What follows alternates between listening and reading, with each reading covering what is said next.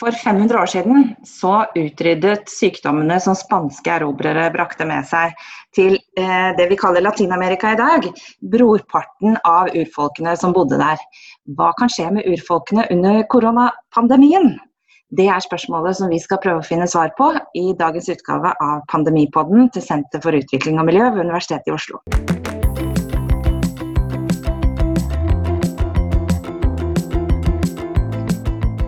Mitt navn er Benedicte Bull, og i Pandemipodden så ringer jeg til mine kollegaer på hvert sitt hjemmekontor for å snakke med dem om årsaker til og konsekvenser av koronapandemien.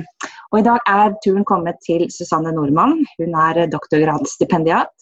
Og hun jobber med en doktorgrad om klimatiltak og urfolksrettigheter. Ikke bare i Latin-Amerika, men også her i Norge.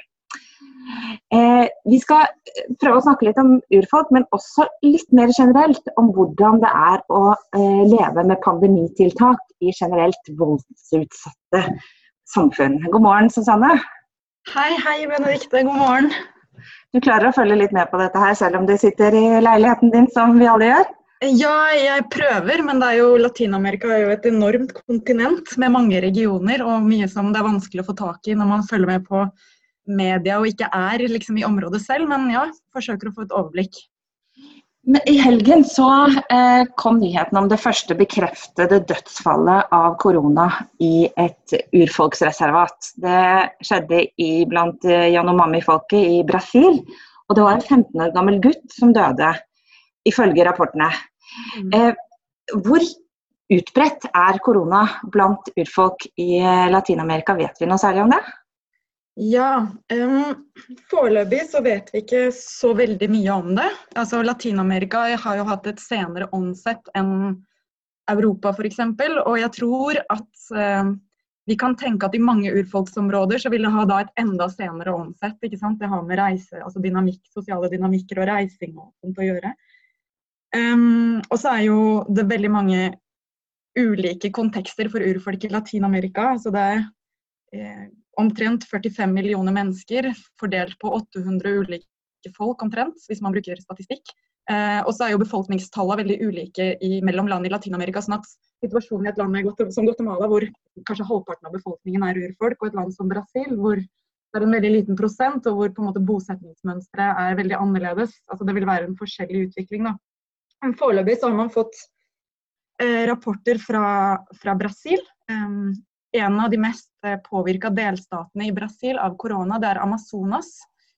Um, og der er det jo mange urfolk, og det er også urfolk som ofte kalles for isolerte, eller som andre kaller for frie, da, eller beskytta urfolk. Altså de lever fortsatt uten kontakt med liksom, vårt Altså den, den hvite mann, eller altså ja, eh, våre samfunn. Um, i, frivillig, altså i frivillig isolasjon. Da. Um, så det er jo bekymringsfullt at det er nettopp der. Um, så er det jo dette dødsfallet fra en Yanomami-gutt, men det er også to andre dødsfall som ikke går inn i statistikken fordi disse urfolka bor i by. Um, så det er en Kokama-kvinne og en gutt, nei, en, en mann fra Tikuna-folket, også i Amazonas, i Manaus, som, som har dødd i løpet av helga. Og så er det i tillegg rapportert fra Peru og Colombia et par, par tilfeller. da. Så man vet ikke så mye, men det er jo selvfølgelig knytta veldig stor bekymring til det. Um, og urfolksorganisasjoner som har en viss eh, kapasitet eh, og har fortsatt territoriet, har jo annonsert liksom close down. da. Eh, så eh, i sør i Mexico så har zapatistene stengt sine områder, altså zapatistene som er en ganske kjent urfolksorganisasjon. Og I Colombia har også urfolksorganisasjoner som KRIK stengt sine områder i Cauca. Det er både for å beskytte sin befolkning mot økt vold under korona og mot smitte. Da. Eh, det samme gjelder i Brasil, at urfolksorganisasjoner har gått ut og bedt folk om å ikke reise inn i områdene. Men vi vet jo at det, at det, er en del ting som gjør kanskje en del urfolk spesielt utsatt. Ikke bare det at noen lever uten veldig mye kontakt med omverdenen og da har kanskje mindre immunitet, men i Venezuela så har også Yanomamier vært gjennom både eh, en hiv-epidemi og flere andre tidligere epidemier.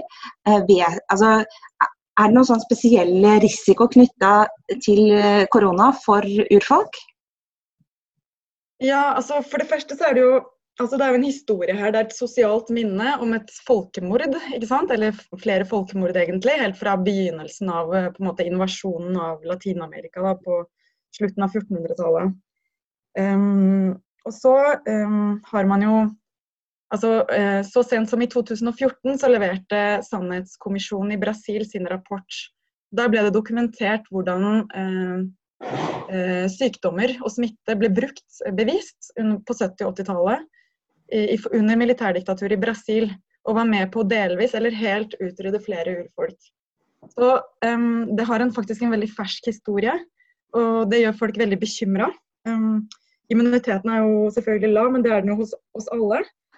Um, men så er det jo selvfølgelig helsesituasjonen i mange urfolksområder. Her tror jeg det også er veldig store forskjeller. ikke sant? Man har man kan tenke seg at eh, en del urfolk vil ha kanskje et bedre helsegrunnlag enn f.eks. fattig arbeiderklasse fra byens periferier. Fordi man har tilgang sant, på jaktområder og jordområder og, og, spiser ganske sunt. Mens andre områder hvor det territorielle tapet har vært større over tid, eh, kan befolkningstettheten være eh, veldig høy. Um, helsesituasjonen er prekær, det er utbredt sult. Um, diabetes, som er et utbredt problem i Latin-Amerika generelt, blant, eh, altså knytta til sosial klasse, da, eh, er også veldig høyt eh, blant urfolk. sånn at mange vil nok være i risikogruppen.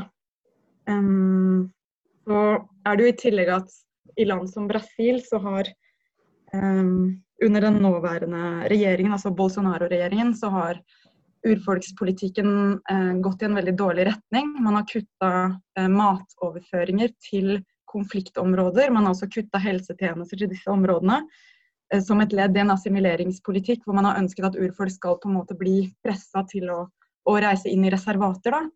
Um, så det ligger jo liksom til, på en måte til bunn og gjør at, ja, at situasjonen er prekær. Og så tenker jeg at det er viktig å si at kanskje kan man også tenke omvendt på det her. At noen urfolkssamfunn der hvor man har klart å beholde territoriet sitt, jorda si, tilgang til skog, til fiske, jordbruk, så kan man også kanskje ha noen styrker sant, i forhold til å takle det her. Både i forhold til bosetningsmønster, og i forhold til ernæring og i forhold til mer bærekraftige samfunn som kanskje kan gi en høyere resiliens. Da.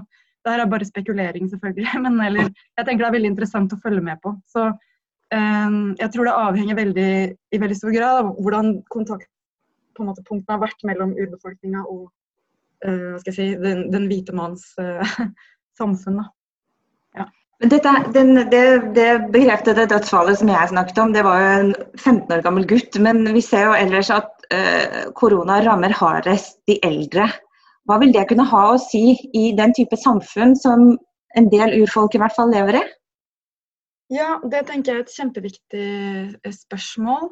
Um, eldre har jo en ofte, kanskje alltid i urfolkssamfunn, en, en veldig viktig posisjon.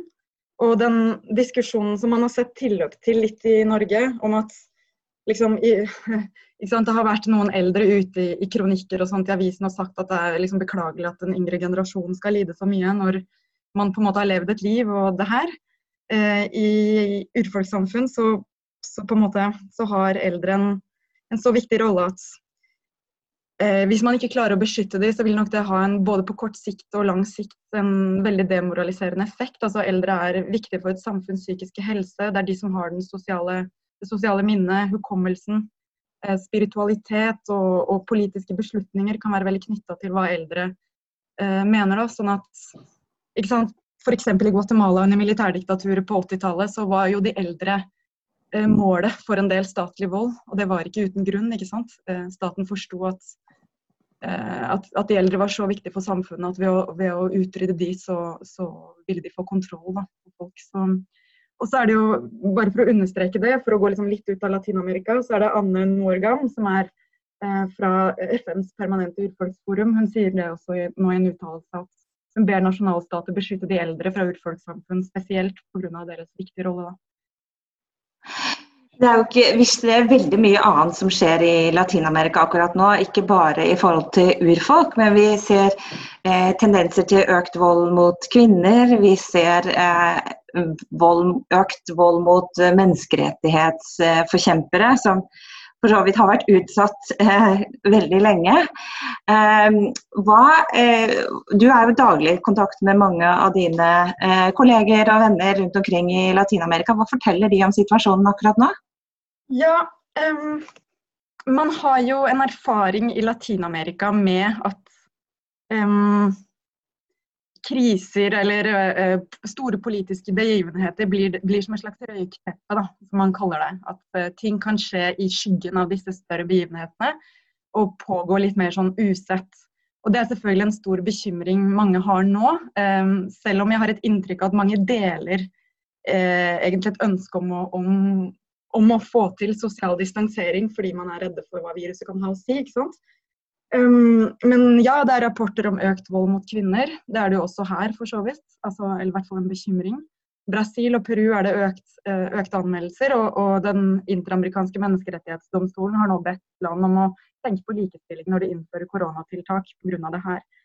Og så er det jo den ekstreme volden i Mexico og Mellom-Amerika. Den pågår. Det er ikke noe eh, rapportert eh, altså at den har gått ned. Eh, drapstall i Honduras, eh, som er et av regionens mest eh, voldsutsatte land, opprettholdes. Og så har man sett at voldelige utkastelser av samfunn i konfliktområder har skjedd uten at befolkningen kan mobilisere. ikke sant? Sånn at um, det er ganske alvorlig i forhold til menneskerettigheter. Og kanskje enda mer alvorlig er rapporter fra Colombia, uh, hvor etter fredsavtalen man hadde en økt vold mot politiske ledere. Um, og nå er det jo sånn at pga. Eh, obligatorisk sosial distansering, så, så, vet jo kriminelle hvor politiske ledere befinner seg. De befinner seg hjemme. Og det har vært flere drap. Da. Det er, det er situasjoner i delstater altså, som Cauca og Chocó i Colombia er kjempebekymringsfull. Så man ser et veldig sånn forferdelig samspill mellom pandemi og politikk, egentlig. Um, så er det jo andre ting. ikke sant? Man har Bolivia, uh, hvor uh, eh, hvor det sitter en interimregjering, og det skulle vært valg nå. ikke sant? Det var en, eh, en stor politisk endring i fjor med sosiale opptøyer og en høyreside som på en måte eh, vant tilbake makta eh, etter flere år med Mas-regjeringen. Og hvor, hvor, valget er blitt utsatt, og hvor på en måte truslene mot folk som bryter eh, korona altså Jeg tror det er opptil ti år man kan eh, bli straffa. Sånn at ikke sant? Dette gir et eh, liksom, i, skyggen av koronatiltak så kan dette være en forverring av menneskerettighetssituasjonen, og, og den kan bli, den kan vedvare. Så ja. Jeg bare kom til å tenke på at eh, for noen, eh, en tidligere episode av Pandemipodden så snakket vår eh, kollega Maren Aase, som forsker på katastrofer, om at katastrofer ikke er på en måte helt unormale situasjoner. Snarere er de en speil på det normale som forstørrer både det fine og det veldig kanskje grusomme i samfunnet. Kan vi si det også om Latin-Amerika? Og er det noen sånne ting du tenker at dette denne situasjonen fremhever ved samfunnet som allerede eksisterer? Ja, altså jeg liker å se på korona som en slags catwalk, hvor vi presenterer våre politiske systemer og liksom det strukturelle som ligger bak. Um, men i skyggen av den catwalken så kan det skje mange ting i korridorene som medias lys ikke får med seg. Um, så tenker jeg at ja, når det gjelder Latin-Amerika, så er det så store interne forskjeller mellom land. altså Regjeringa har svart på veldig ulik måte, egentlig. Men for å kanskje se på noen likheter, da, så, så tenker jeg at Eller um, at um, det er vel den regionen som samla sett har uh, på en måte hardest tiltak. Jeg tror det er tolv land med fullstendig lockdown. Og det er en region med tradisjoner å bruke militæret mot sivilbefolkningen. Og det ser vi også i mange land. Det er soldater ute. Og det er rapporter om veldig sånn harde nedslag på folk som blir tatt ute på gata. ikke sant? Så den repressive tendensen er, er til stede. Um, så er det et klassespørsmål her. ikke sant? Mens i, i Europa så kan sosiale permitteringer og sånn skje uh, mens velferdsstaten forsøker å sikre noen grunnleggende rettigheter for befolkninga som mister jobben. Så er ikke dette tilfellet i Latin-Amerika. Veldig stor del av befolkninga er ansatt i informell, uformell uh, økonomi. Um, så, så, det blir sett på som et privilegium å kunne være sant, i karantene. da. Eh, så er det sånn at F.eks. i Mexico, hvor tiltakene har vært eh, liksom mildere, så, så, er en stor del av befolkningen fortsatt på gata. Man kan se liksom plakater om eh, jeg, jeg, blir ikke drept av korona, jeg blir drept av sult. Kjøp fra meg. sant? Så, så er det jo noen land da, som har likevel gått lenger enn Norge f.eks. i å komme med, med, tiltak. Så det er ikke et entydig bilde heller. Men klasse, klasse, sosial klasse har vært veldig oppe. ikke sant? Det ble symbolsk at i Brasil så var det hushjelpen til en dame som hadde reist tilbake til Brasil fra Italia. Det første personen som mista livet i Mexico, altså i delstaten Chihuahua, så er halvparten av de som er dødd hittil, de er ansatt i liksom Makila-industrien som ikke har tatt pause med korona. Så den siden er viktig. Um, så er det jo å se på det geopolitiske. ikke sant? Hvilken tilgang har Latin-Amerika til smittevernutstyr og til respiratorer?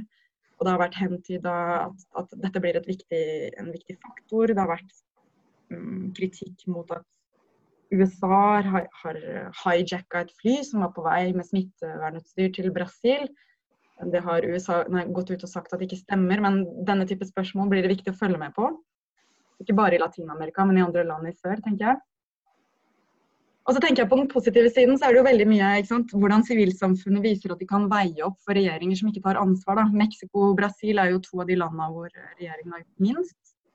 Eh, og der er det urfolksorganisasjoner, eh, eh, organisasjoner som De jordløses bevegelse i Brasil, som har gått ut og, og bedt folk ta ansvar, og som har eh, matlaging, frødonasjoner, produksjon av medisinsk utstyr, produksjon av eh, antibac og sånne ting. Så det er også en enorm kreativitet eh, og, og, en evne til organisering på grasrotnivå som jeg tenker er en veldig positiv ting å, å liksom fremheve.